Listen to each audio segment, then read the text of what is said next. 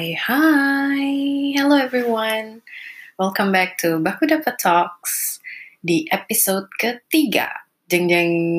Oke, okay, so um, belum ada musik nih nanti ya. Uh, masih masih newbie banget. Jadi nanti akan ya gitu deh. Gue belajar dulu, oke? Okay?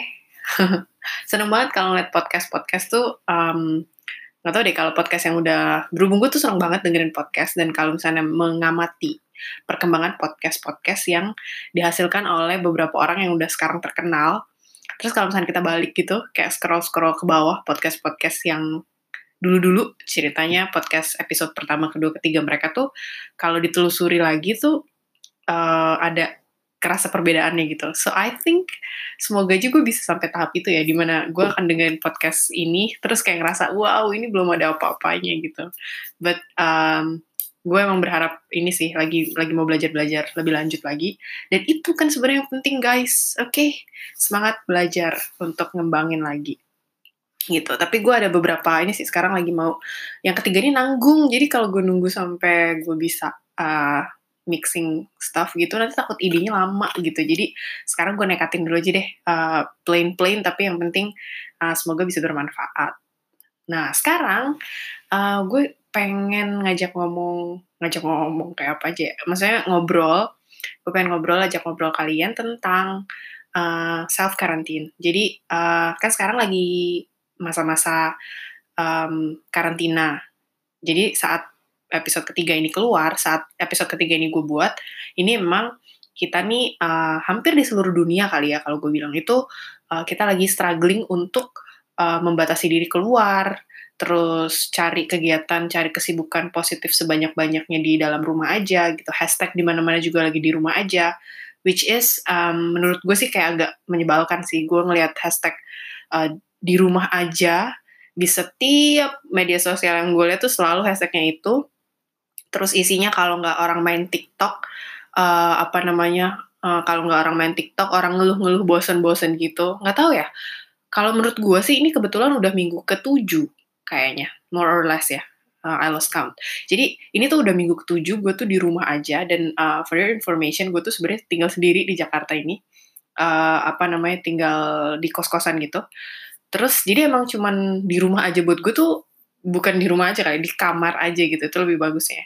Cuman uh, surprisingly gue juga baru tahu gue seintrovert ini jadi kayak gue tuh nggak ngerasa ini sesuatu yang sangat menyebalkan gitu. Jadi kalau gue di media sosial dan gue ngelihat bagaimana susahnya orang untuk stay di rumah aja padahal mereka misalnya ada family atau misalnya mereka juga uh, apa ya maksudnya ada ada orang lain gitu maksudnya ada mungkin ada keluarganya di situ tuh gue kayak bingung gitu. Kok ini orang-orang pada susah banget sih uh, tinggal di rumah aja gitu loh Padahal sebenarnya ya mungkin karena beda kali ya maksudnya gue tuh uh, I think if I can put a label on, on myself, which is sebenarnya juga nggak nggak boleh juga sih ya. Mungkin ada beberapa teman-teman juga yang nggak setuju. Cuman if I need to really put label on myself, I think I will call myself to introvert gitu kan.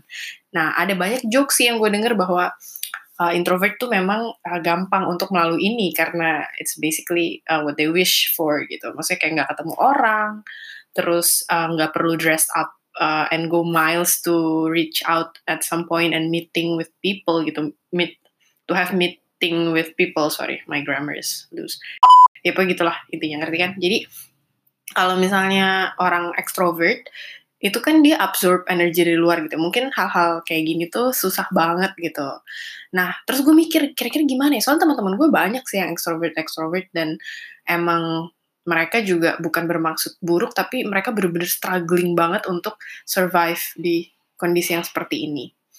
Nah kemarin tuh gue mikir-mikir sih sebenarnya kenapa sih ya gue ngerasa bahwa ini tuh menyenangkan gitu. Gue kayak gue uh, apa ya kayak berpikir gitu kira-kira kenapa ya uh, apa yang bisa gue nikmatin dari eh, hal-hal uh, maksudnya apa yang gue bisa nikmatin dari di rumah aja gitu dan mungkin gue bisa share ke kalian atau gue juga bisa share ke teman-teman yang lagi dengerin ini yang mungkin um, belum kepikiran gitu sama kalian untuk bisa uh, meningkatkan kualitas di rumah ajanya kalian gitu.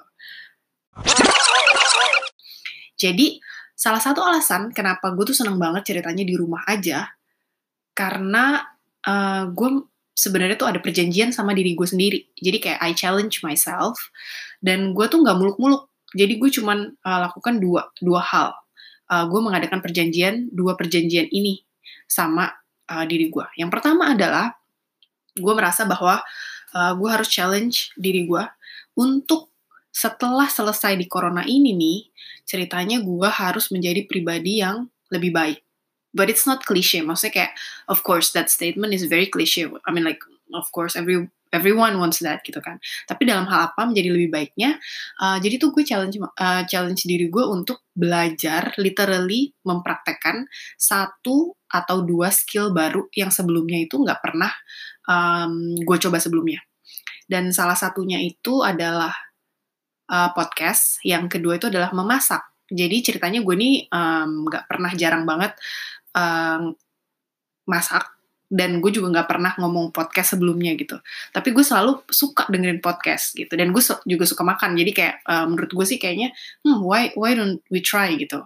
Dan ternyata setelah uh, setelah gue pikir-pikir dan setelah gue baca ada penelitian yang menyatakan bahwa sebenarnya mempelajari hal baru itu juga uh, salah satu prevention buat uh, manusia itu terkena demensia pada saat uh, dia tua nanti gitu. Jadi memperkecil kemungkinan uh, seseorang tuh terkena demensia atau uh, bahasa yang lebih familiar itu pikun gitu. Jadi kayak uh, teruslah belajar uh, hal baru tapi ya bukan sesuatu yang sudah pernah kita lakukan sebelumnya. Jadi kayak terus mempelajari hal-hal baru uh, itu uh, ternyata bisa berguna untuk uh, perkembangan uh, mental kita gitu. Selain memberikan dampak positif juga karena uh, kita kan jadi banyak uh, pengetahuan, jadi ada perspektif baru terhadap sesuatu. Of course, kayak learning new things always going to be uh, powerful for yourself gitu. Cuman salah satu dampak medisnya itu tadi. Jadi kita tuh jadi terhindar sama penyakit-penyakit uh, demensia seperti itu. Jadi uh, gue merasa bahwa bisa nggak ya kalau misalnya gue share gitu? Dan pas gue ngobrol sama teman-teman gue uh, sambutannya baik nih. Cerita ada beberapa temen gue yang langsung ah kalau gitu seru juga nih. Maksudnya kayak gampang-gampang susah. It's not that muluk-muluk uh, apa namanya bisa diaplikasikan. Dan untungnya juga kan kita bisa pilih sesuai dengan kemampuan kita dan keinginan kita tentunya gitu.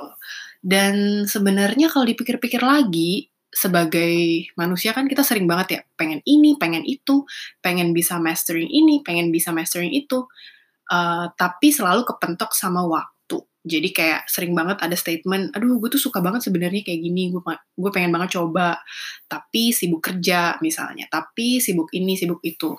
Nah sekarang kita dikasih nih waktunya, tapi memang challenge-nya itu adalah diri kita sendiri. Karena kalau ngelakuin apa-apa dari rumah tuh kadang-kadang uh, yang mesti jadi uh, motivationnya tuh kita sendiri. Karena uh, apa namanya sebagai kaum rebahan terutama jadi kayak gue nih uh, karena meja dan kasur gue tuh sangat deket kadang-kadang tuh jadi suka uh, tiba-tiba rebahan terus hilang gitu aja. Maksudnya kayak tiba-tiba tidur atau atau pokoknya jadi kayak nggak disiplin gitu kan.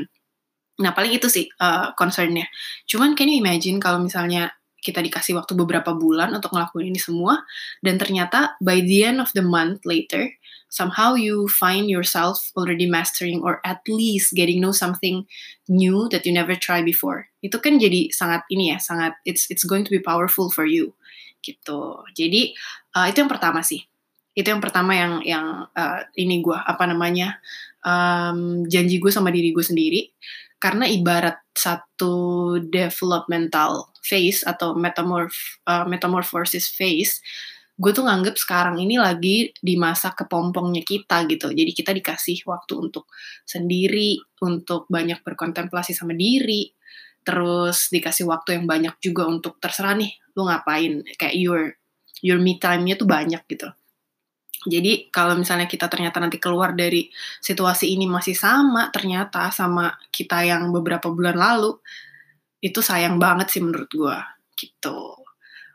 That's the first one. The second one, um, gue men-challenge diri gue untuk menggunakan waktu ini untuk bersilaturahmi justru dengan orang-orang tersayang. Jadi kayak uh, ke keluarga, ke teman-teman yang udah lama gak kontak gitu. Jadi gue ngerasa bahwa somehow ini tuh kita kayak lagi di burden-burden jarak dan waktu yang biasa kita tempuh untuk menuju ke satu tempat, untuk reach out for uh, some people itu lagi diambil. Jadi kayak gue ngerasa kita tuh bisa ketemu sama siapa aja justru sekarang. Karena semua orang medianya sama, yaitu media sosial gitu. Jadi kayak atau telepon. Jadi kayak semua orang tuh standby uh, di sini di di tempatnya masing-masing tapi jadi super jadi super aware sama sosial media jadi aware sama phone kayak alat telekomunikasi lain gitu. Dan ini terjadi untuk semua orang di belahan dunia mana pun. Gitu itu yang menarik sih sebenarnya. Jadi menurut gue ini adalah kesempatan yang bagus untuk membangun lagi tali silaturahmi gitu loh.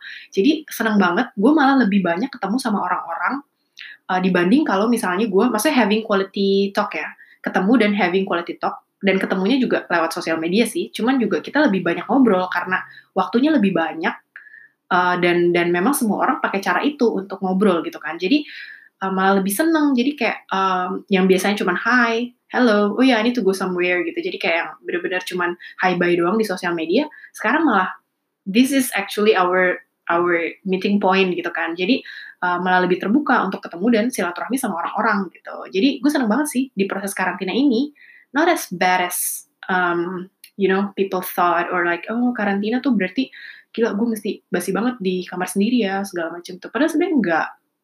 Depend on how you um, fill it with gitu.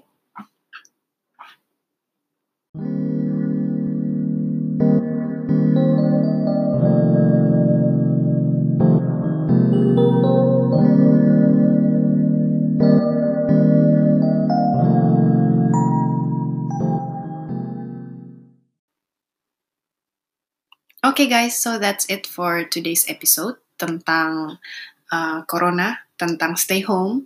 Jadi walaupun kita udah lama um, punya kewaspadaan terhadap corona ini, tapi semoga kita semua tetap uh, semangat untuk uh, ber berkontribusi terhadap uh, apa namanya terhadap bantu lah saling bantu untuk gimana caranya uh, tetap menekan penyebaran uh, dari pandemi ini gitu. Dan I'll see you uh, next episode with the different theme, different people maybe. Jadi gue tuh emang ada rencana dari dulu untuk collab-collab sama orang lain sih supaya uh, mendatangkan perspektif yang baru juga gitu. Jadi uh, doain ya semoga bisa ketemu ide dan uh, orang yang tepat. Terus nanti kita bisa ngobrol-ngobrol lagi. Oke? Okay? Bye bye. I wish you a very good day.